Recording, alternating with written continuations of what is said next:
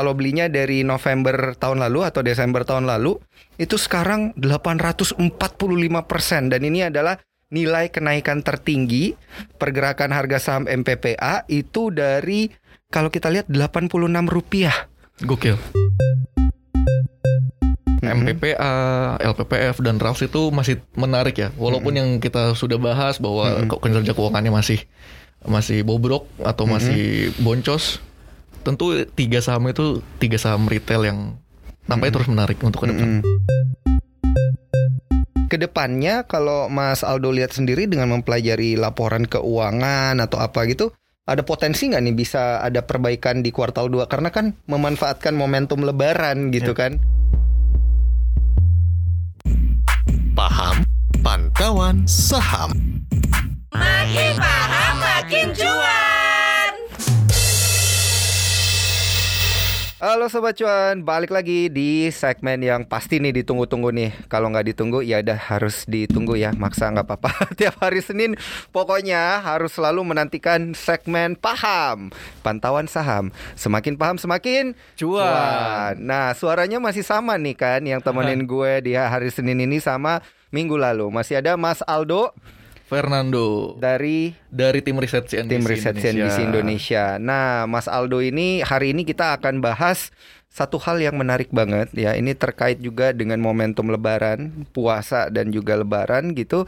Eh, terkait dengan saham-saham retail nih. Kalau teman-teman lihat saham-saham retail hari ini kan seperti misalnya RALS, MPPA, LPPF itu udah pada terbang ya, nggak cuman Bitcoin yang bisa terbang ya. Saham kita juga masih ada yang bisa terbang double digit nih hari ini Sobat Cuan. Nah itu it- akan kita bahas secara detail hari ini.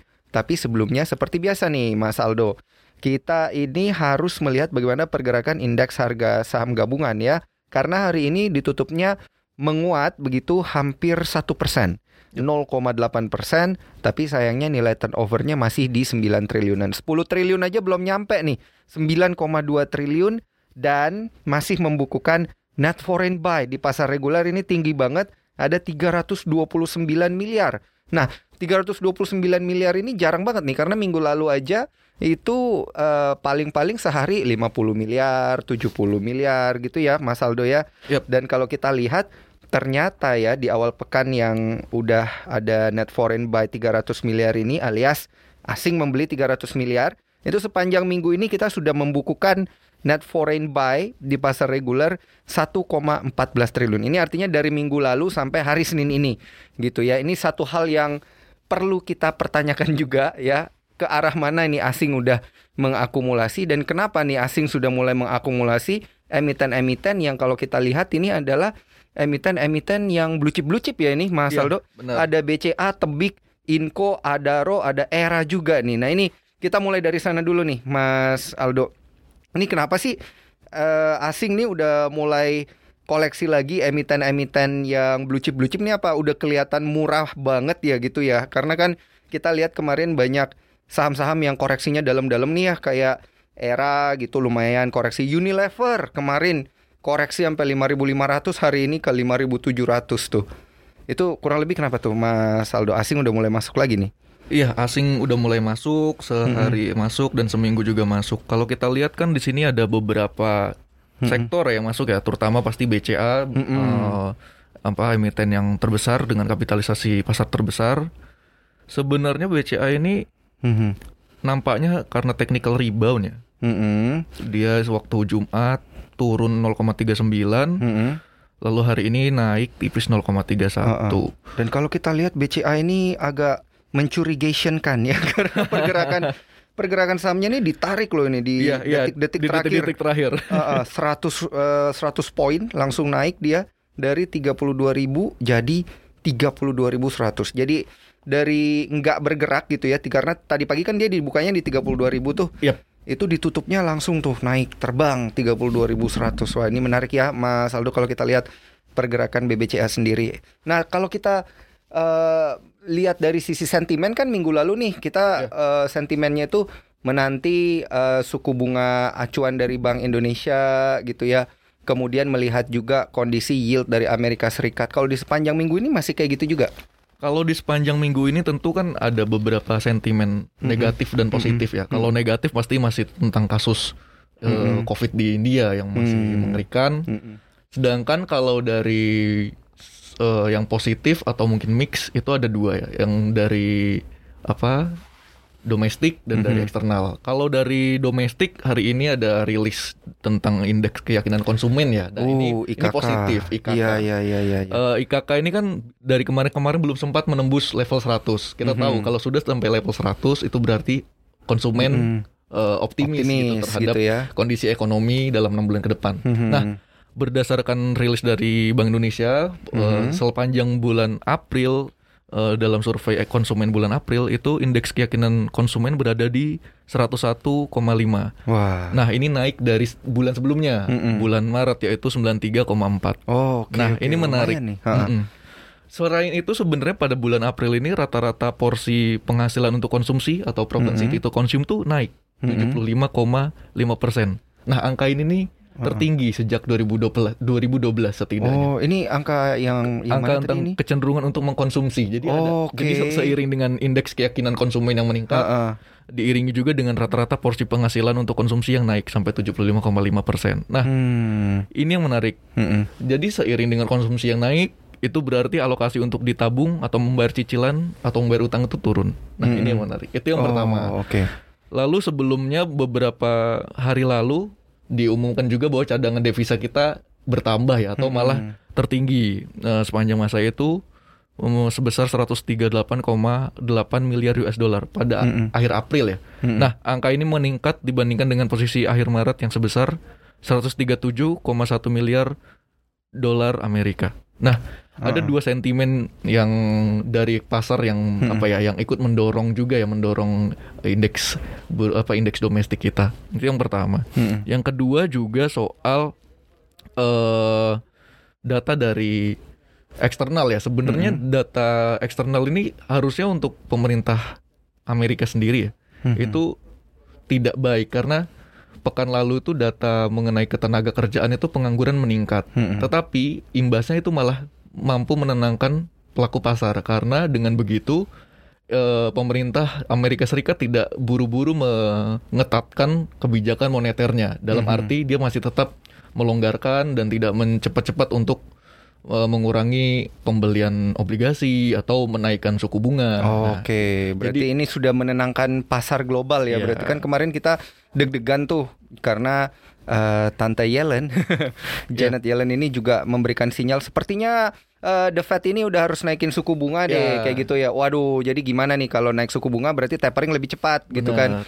Wah, ini menarik nih. Berarti kalau sudah pasar ini sudah tenang, Amerika ini bakal kelebihan likuiditas dong nih ke depannya kan? Iya, benar. Nah, kalau likuiditasnya udah banyak, berarti bisa masuk ke pasar kita nggak nih, Mas Aldo? Kalau dilihat-lihat nih. Nah, ini menarik juga karena sepanjang bulan lalu kan kita capital outflow ya. Capital Mm-mm. outflow itu sekitar 20 triliun di pasar Mhm, obligasi. mhm. Nah, sedangkan di April ini, April lalu itu kondisinya membaik karena mulai masuk tuh di misalnya di eh, SBN atau surat berharga negara itu terjadi capital inflow sebesar 13,2 triliun dibanding Maret. Ini menarik. Nampaknya Wah, ini uh-uh. bakal jadi eh, apa ya? Bakal terus berlangsung gitu. Nah, itu Mhm. yang perta- yang pertama.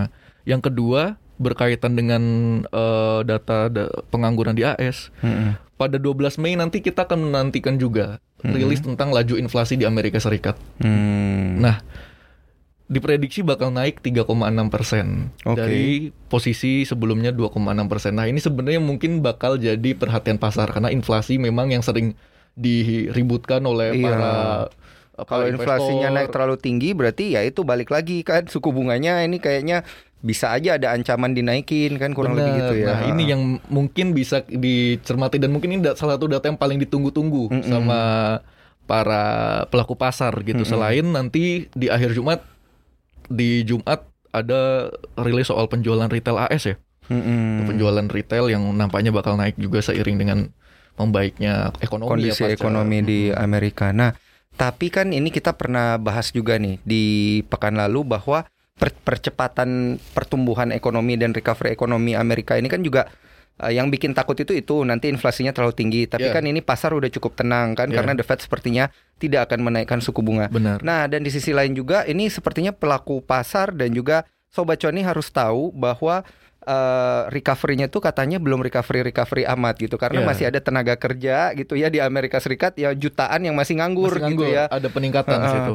Gitu. Tapi setidaknya udah jauh meningkat daripada kondisi pandemi tahun lalu begitu ya. Iya, kayak benar. angka apa tuh kemarin yang baru liris eh, untuk tenaga kerja non pertanian ya apa Iya, sih? eh, non- non farm payroll Ah, gitu non- ya. non-farm Ah, ah, payroll, ah, ah, NFP. NFP nah ngelihat itu katanya kan juga ada perbaikan. Pun demikian masih ada eh, apa tuh namanya tenaga kerja yang masih nganggur juga. Kalau kita lihat tenaga kerja non pertaniannya Amerika Serikat begitu Iya. ya di angka kurang lebih 7 jutaan gitu. Yap. ini berarti PR-nya sebenarnya masih panjang. Masih panjang. perbaikan sudah ada eh, tapi PR-nya masih panjang likuiditasnya banyak moga-moga masuk Indo Nah, gitu ya Iya, moga-moga gitu.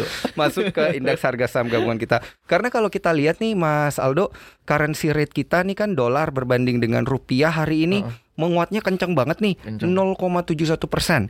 Iya. Udah di 14.188. Yap.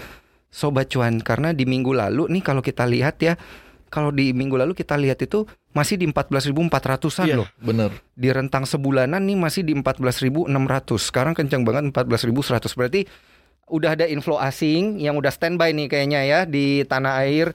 Apakah akan masuk ke pasar keuangan kita lebih banyak atau ke IHSG kita lebih banyak? Ini menarik untuk kita perhatikan lebih lanjut. Tapi tadi sentimennya udah lengkap banget nih dijelasin sama Mas Aldo dan kita langsung sekarang lihat saham-saham yang tadi sudah kita teaserin ini, Mas Aldo. Iya. Ini ada eh, saham-saham retail ini menjelang lebaran kita nanti ada Matahari Department Store ya atau LPPF yang naiknya lumayan 3,23 persen itu buat hari ini aja.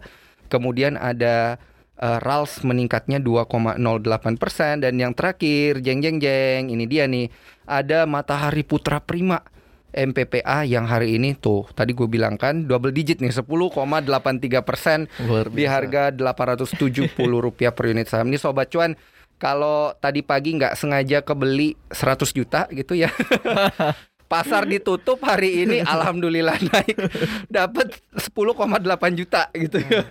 Ini gimana sih ada apa sih ini sebenarnya Mas Aldo? Karena kan ini sahamnya udah lama banyak yang bilang ini saham udah lama tidur nih gitu kayak udah lama nggak gerak nih udah lama nggak diperhatiin gitu kan.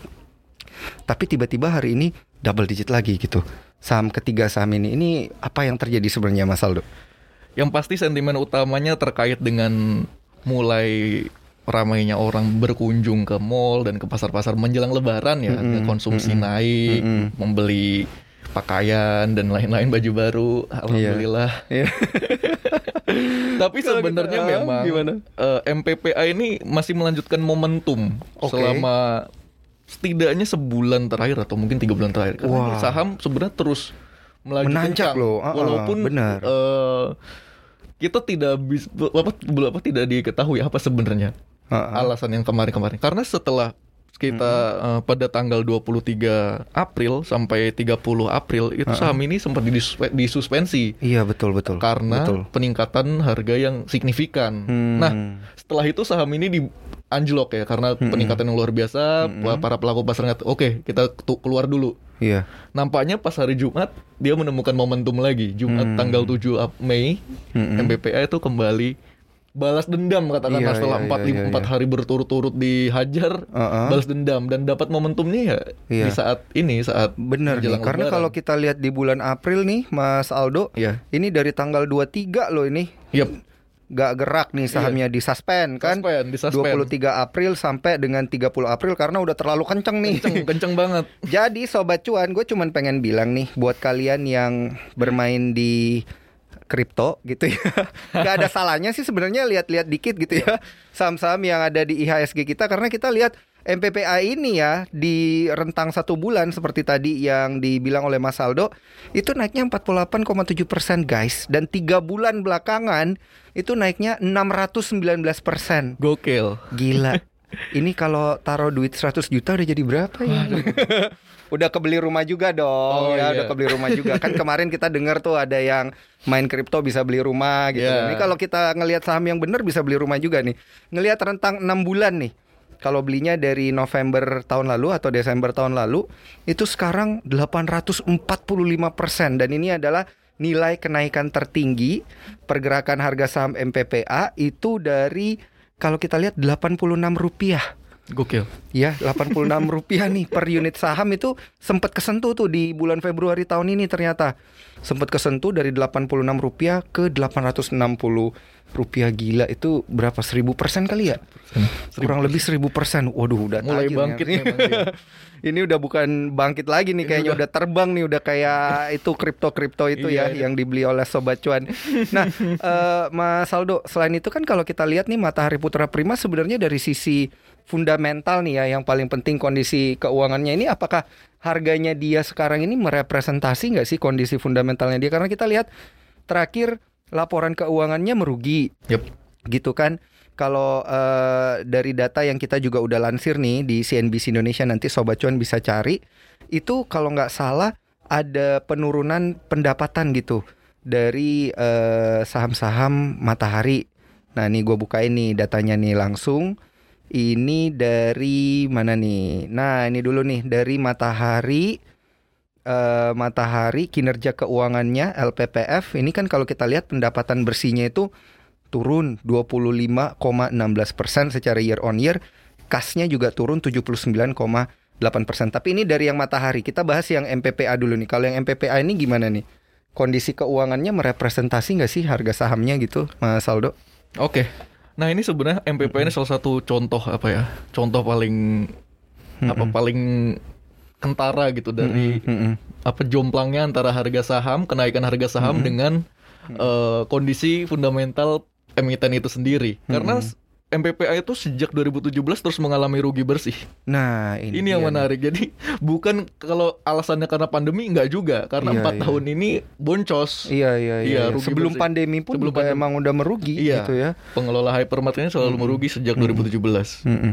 Itu yang sebenarnya ya yang bisa dikatakan ini nggak sesuai fundamental bener-bener empat tahun rugi tapi saham terus terbang didorong oleh beberapa sentimen kemarin ya kan Mm-mm. ada beberapa sentimen yang masuk soal MPPA termasuk uh, ada masuk masuknya Gojek sempat kemarin ada omongan itu walaupun masih belum pasti atau me- dijualnya saham MPPA oleh induknya multipolar itu yang menjadi pendorong ya selain eh, sentimen-sentimen yang baru-baru ini ter- termasuk sentimen menjelang lebaran gitu. Hmm. MPPA salah satu yang ya rugi, rugi, rugi. Bukan malahan sebenarnya kalau kita bicara Ramayana memang kalau Ramayana terlihat dia ru- 2020 itu memang bukan tahunnya Ramayana. Saya pernah gue pernah nulis begitu. Mm-mm. Karena dia rugi di tahun itu tapi sebenarnya sebelumnya masih untung Ramayana itu. Oke. Jadi eh apa ya? Bisa dikatakan Ramayana itu mungkin bisa bilang excuse, bisa bilang oke eh, sejak 2001 baru tahun 2020 eh, perusahaan gue rugi. Jadi gue masih bisa bilang kalau pandemi memang memukul gitu, memukul. Nah, tapi kalau untuk MPPA dan beberapa lainnya itu rada sulit apalagi Hero Iya, yang iya, memang iya, sudah iya, iya. empat tahun juga Hero tuh udah empat tahun juga gitu. Gerainya juga udah banyak yang ditutup. banyak ditutup. Nah, ini Gitu yang ya. menarik sebenarnya. Nah ini kalau Sobat Cuan perhatiin ya pergerakan harga MPPA sendiri ini yang kita bahas dari tadi itu dari sisi debt to equity rasionya aja Ya. udah 2.342 persen gitu ya berarti Waduh, ini udah berapa berapa kali lipat? 23 kali 20 ya, lipat ya 23 kali daripada lipat. equit nilai ekuitasnya dia nih Ini utang. benar, itu benar. utang aja tuh semuanya guys. Habis itu return on equity-nya aja minus nih. 219,45 persen dan pernya juga minus ya karena eh, earningnya minus Iya, gitu ya 16,16 kali gitu. Nah ini memang sih ya berarti benar yang dibilang sama Mas Aldo ini harga sahamnya itu nggak merepresentasikan kinerja fundamentalnya. Jadi pertanyaannya ada apa ini sebenarnya ya di balik di balik eh, MPPA yang diakumulasi gitu ya oleh para investor dan juga para eh, pemegang saham nih. Karena hari ini aja MPPA itu membukukan net foreign buy loh guys.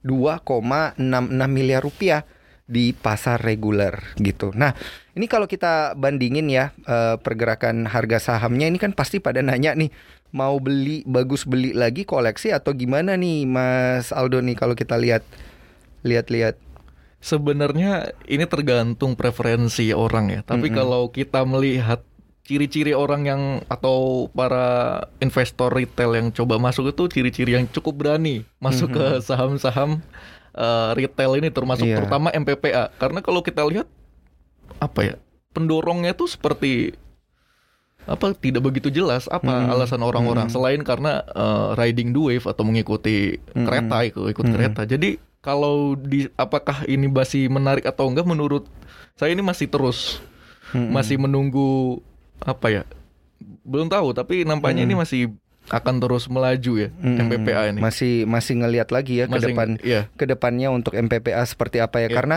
kalau kita lihat ternyata harga MPPA yang eh, dikatakan tertinggi semenjak lima tahun belakangan ini bukan yang tertinggi sepanjang masa Yep. gitu ya ini adalah eh, pergerakan harga yang mendekati ini tahun 2017-an gitu karena di Yep. tahun 2016 lalu itu ternyata MPPA pernah level harganya di 2080 nah 2016 ini kayaknya waktu kita masih sering belanja offline ya Mas Aldo iya kalau lebaran gitu pergi dulu ke matahari gitu cari Iya. baju kayak atau apa atau eh, ke hypermart ke gerai-gerainya belanja kurang lebih kayak gitu ya. Nah, kita lihat dulu nih pergerakan dari emiten lainnya ada Ramayana. Ramayana ini kan tadi udah kita bahas sedikit ya. Ini kurang lebih merepresentasikan lah ya kondisi fundamental dia Iya. pergerakan harga sahamnya. Tapi apa nih sebenarnya dari sisi fundamental yang perlu diperhatikan oleh sobat cuan? kalau dari fundamental sebenarnya yang perlu disorot itu arus kasnya ya negatif Mm-mm. sepanjang bulan sepanjang kuartal satu ini arus kasnya negatif eh, 170,60 miliar Hmm. dan Waduh. diikuti oleh laba operasinya negatif Mm-mm. juga dan juga rugi kembali rugi di Uh-uh. 85,67 miliar rupiah. Mm-mm. Nampaknya tentu Ramayana yang saya bilang tadi masih di apa terkena dampak pandemi yang pertama itu, yang kedua pasti soal perubahan preferensi belanja masyarakat ya. Oke. Ini kan yang sebenarnya PR dari retail yang Iya, sejak iya, iya, nampaknya iya, sejak benar benar benar. sejak 2018 kalau nggak salah itu udah atau mungkin sebelumnya itu sudah mulai di ini apa Mm-mm. dipermasalahin apa retail ini apa sudah lesu apakah ini bukan eranya retail offline lagi atau gimana gitu Hmm, gitu ini ya. yang menarik sebenarnya Iya iya iya karena kalau kita lihat kan emang pola belanja itu ya yang tadi Mas Hmm. Aldo bilang yang dari online ke offline gitu ya. Eh yang dari offline ke online Ya. gitu. Ini jadi PR banget nih ya PR bener ya. banget, iya. Termasuk kita-kita nih ya emang jadi apa lebih banyak apalagi pandemi. gitu. pandemi Oke oke PR-nya memang banyak tapi kalau kita lihat eh, kondisi pergerakan harga saham dari Rals ini seperti apa nih? Karena kan sekarang nih dia eh, tadi ditutup naik nih 2% 2,08% 735 rupiah. Ke depannya kalau Mas Aldo lihat sendiri dengan mempelajari laporan keuangan atau apa gitu ada potensi nggak nih bisa ada perbaikan di kuartal 2 karena kan memanfaatkan momentum lebaran gitu Ya. kan. ya sebenarnya mungkin aja tapi yang perlu dilihat adalah perlu kita simak sebenarnya strategi dari perusahaan itu sendiri sebenarnya di Mm-mm, 2021 ini akan Mm-mm. seperti apa karena kalau misalnya masih mengandalkan gaya lama mungkin dia masih tertekan ya Mm-mm. maksud saya kalaupun memang lebaran ini mempunyai dampak gitu terhadap pemasukan tapi kan apa seberapa lama Hmm, efeknya betul. jadi itu yang perlu kita lihat sebenarnya Mm-mm. dampak dampak dampak daripada dampak daripada apa kenaikan konsumsi ini seberapa cepat tapi seberapa lama gitu untuk Tapi kalau kalau kita lihat data makro kan ini sebenarnya udah matching nih ya. udah matching Udah ada apa ya IKK-nya udah naik. Habis itu eh, orang juga jadi semakin yakin untuk spending kan Yap. tadi an- angkanya juga udah kelihatan dari Bank Indonesia kan. Ini bisa nggak sih kita lihat emiten-emiten retail ini tetap berjaya begitu minimal di kuartal kedua ini?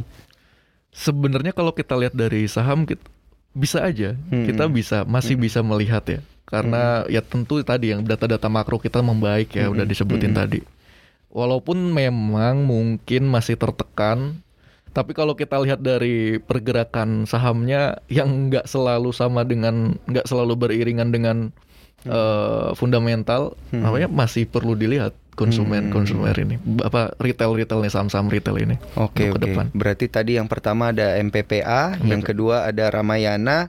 Nah, yang ketiga nih kita perlu ngelihat LPPF nih karena LPPF juga hari ini terbang nih lumayan ya 3,23 persen. ditutup di level harga 1.760 rupiah per unit sahamnya. Nah, kalau kita lihat untuk uh, eh, LPPF sendiri yang laporan keuangannya ini yang dirilis kemarin itu negatif-negatif banget dan katanya banyak yang tutup gerai yeah. gitu ya. Ini gimana nih nasibnya kondisi uh, emiten LPPF ini di kuartal kedua kalau Mas Aldo ngelihat? Sebenarnya kalau LPPF ini mending lebih mending ketimbang Ramayana ke di hmm. kuartal satu ini karena masih ada cash flow ya itu hmm. cash flow jadi masih bisa beroperasi walaupun sebenarnya laba laba operasinya masih negatif ya hmm. untuk kuartal satu ini gitu. Hmm. Kalau untuk kuartal 2 nampaknya dia masih masih terus harus memangkas ya memangkas apa memangkas hmm uh, rugi bersih hmm. gitu. Oke. Okay. Karena kan kalau kita lihat juga udah banyak ya gerai, gerai dari itu. matahari sendiri ini hmm. yang ditutup. Ini karena uh, data dari CNBC Indonesia juga menunjukkan tahun 2019 total gerai matahari ini ada 169 di tahun 2020 menyusut begitu yep. jadi 147 ya ada uh, dan 23 di kuartal 1 ini katanya 23 masih dalam pemantauan dan 13 rencananya ditutup begitu untuk di kuartal satu. Berarti di kuartal kedua ini juga ada tadi kan Mas Aldo bilang ada momentum ini bisa dimanfaatin gitu yeah. ya walaupun menutup gerai. Nah, kondisinya nanti uh, retail utamanya untuk LPPF ini di tahun 2021 akan seperti apa nih? Yang kita lihat pasti masih mereka masih harus berjuang untuk mm -hmm. menyesuaikan yang saya bilang tadi soal nggak nggak hanya LPPF nggak ya berarti LPPF. ya ya preferensi perubahan preferensi berbelanja itu mm -hmm. mereka harus cari cara untuk bisa terus mm -hmm. ya terus keep up lah dengan apa apa yang orang mau sebenarnya mm -hmm. karena kan ini retail ini kan bener-bener pasar yang padat ya, crowded mm -hmm. banget gitu, hajaran dari online dan dari mm -hmm. pesaing lain. Jadi mereka tentu punya banyak strategi yang menarik untuk dilihat gitu. Mm -hmm. Walaupun memang mereka sudah beberapa kali mencoba untuk masuk ke online dengan ke bikin website atau e-commerce atau apa uh, untuk ke online itu sendiri itu. Tapi mm -hmm. yang pasti adalah mau nggak mau mereka harus menerima kenyataan gitu. Jadi pola perubahan uh, preferensi berbelanja orang tuh sudah makin mm -hmm. kentara dan online itu masih menjadi panglima mm -hmm, dan itu yang perlu oh, apa mereka lihat gitu mm -hmm. pasti mereka punya beberapa strategi bisnis yang mungkin kita akan lihat mm -hmm. nanti karena kalau kita lihat juga ini gerai gerai-gerai retail yang lain yang tutup ini ada Hero tadi kan yeah. udah sempat dibahas ini tutup uh, Hero itu PT Hero Supermarket itu tutup gerainya Giant di Depok dan juga Kalibata gitu ya yeah. Uh, Sentro, Sentro juga nih PT Tozi Sentosa itu menutup gerai Sentro di Yogyakarta dan juga Bintaro. Tapi kita nggak tahu apakah menutup gerai ini, apakah mereka shifting ke e-commerce juga itu belum tentu gitu ya. Yep. Nah kalau kita kalau uh, Mas Aldo sendiri lihat ini potensi di 2021 ini ada nggak sih potensi mereka itu juga akan berusaha menghajar e-commerce gitu misalnya? Di marketplace kayak atau kayak dulu gitu ya bikin mataharimall.com yeah, kan itu ya walaupun akhirnya bangkrut juga nggak jadi juga gitu tapi kan setidaknya usaha gitu. Di 2021 ini seperti apa nih kondisi retail yang pasti 2021 retail ini mau coba kembali ke level pra pandemi. Hmm. Itu yang pasti PR pertama mereka. Hmm. Karena hmm. pandemi ini tentu memukul banget ya, memukul uh, kinerja keuangan mereka banget. Jadi 2021 PR-nya adalah bagaimana ini bisa minimal bisa menyes apa sesu sama dengan kinerja pra pandemi atau sebelum hmm katakanlah sebelum 2020 gitu. Mm -hmm. Itu yang pertama menurut saya karena kalau ingin melampaui pra, pra pandemi itu level setelahnya. Mm, itu okay. karena kalau kalau untuk melampaui berarti dia ingin mencoba menghajar yang kata Mas mm -hmm. tadi menghajar online online iya, benar, itu sendiri benar, atau e-commerce e-commerce ini mm. PR-nya karena kan e-commerce ini kan juga padat juga ya mm -hmm. dengan Tokopedia di atas terus mm -hmm. Shopee yang terus melesat dan masuk ke berbagai hmm. lini termasuk hmm. juga nanti ada rumor Gojek dan Tokped yang mau merger ini kan sebenarnya retail-retail ini tentu harus punya ceruk pasar yang mungkin nggak bisa diambil sama mereka atau punya strategi-strategi tertentu. Hmm, betul. Yang pasti itu, yang pasti mereka akan berjuang untuk kembali ke level pra pandemi dulu. Untuk menutupi ruginya. Mm-mm. Karena kalau untuk yang melampaui pasti itu PR yang kedua. Iya benar karena kan ini kayaknya tantangannya kalau kita lihat ya tantangannya bukan cuman bersaing sama e-commerce dan marketplace juga ya. Yang offline pun juga ini harus karena kan mereka basicnya offline, nih. Offline. Iya harus bersaing juga ya sama merek-merek lain kan Benar. yang, pendatang-pendatang lain gitu kayak misalnya dari eh, MAP gitu kan. Ya. Eh, kan MAP juga punya brand-brand retail tuh, brand retail pakaian yang kita bisa ketemui di Ya. mall sehari-hari Ya. gitu kan. Habis itu eh, selain itu juga eh, pesaing-pesaing baru, merek-merek lain yang kayak gitu-gitu kan juga jadi PR juga nih. Tapi kalau eh, kita bergeser sedikit nih dari ketiga saham itu, kita juga tiba-tiba mengingat ada MAP nih. Ini Ya. kondisinya gimana nih? Karena kalau gue kemarin ke mall nih jalan-jalan nih waduh gila rame banget nih di weekend nih mall-mall ini walaupun di weekdaysnya sepi gitu ya tapi di weekendnya tuh rame banget mau cari parkiran susah udah kayak nggak pandemi deh gitu ini kondisinya gimana nih kalau MAP sendiri Kalau MAP dari saham sudah naik ya ikutan ikut Mhm. barang tiga Mhm. saham tadi. Dan Mhm. kalau dari keuangan sebenarnya per kuartal ini masih net profit ya 26,09 Mhm. miliar Mhm. MAPI ya eh, Mitra Adi Perkasa. Tapi kalau untuk anaknya ini MAPA malah masih malah stagnan ya 0,00 ke Hmm. 2400. Oke oke oke. Ini MAPI juga hari ini walaupun naiknya nggak gitu kenceng ya 0,66 persen, tapi setidaknya ditutup di zona hijau dan juga eh, untuk pergerakan sahamnya dari MAPI sendiri di sepanjang tahun ini ya 0,66 juga naiknya ternyata ya. untuk eh, pergerakan harga 6 bulan doang nih yang udah naik 19,69 persen gitu. Menarik juga berarti ya ini untuk dilirik ya. Iya, Mungkin MAPI. investor juga belum pada sadar nih mall udah pada rame gitu kan. Bener. bener. Karena pergerakan sahamnya juga belum rame-rame amat nih. Nah, Mas Aldo, ini pertanyaan terakhir nih untuk eh, melihat kondisi retail dan juga emiten-emiten retail kita di Lebaran ini. Ini eh, pesan apa nih yang eh, mau disampaikan kepada para sobat cuan kita melihat kondisi retail kita di 2021 nih, utamanya sobat cuan kita yang berinvestasi di saham retail juga nih. Yang pasti eh, untuk ketiga saham retail tadi, Mhm. MPPA, LPPF dan RALS itu masih menarik ya. Walaupun Mhm. yang kita sudah bahas bahwa kok kinerja keuangannya masih masih bobrok atau Mhm. masih boncos, tentu tiga saham itu tiga saham retail yang nampaknya terus menarik untuk ke depan. Jadi ya terus simak aja lah tiga saham ini. Masih menarik ya, Masih berarti menarik. ceritanya juga masih belum selesai Belum gitu ya, selesai. untuk diperhatikan Iya. oleh para sobat cuan. Oke sobat cuan, itu dia tadi ya pembahasan kita tentang uh, pergerakan saham-saham retail termasuk juga dengan kondisi makro dan juga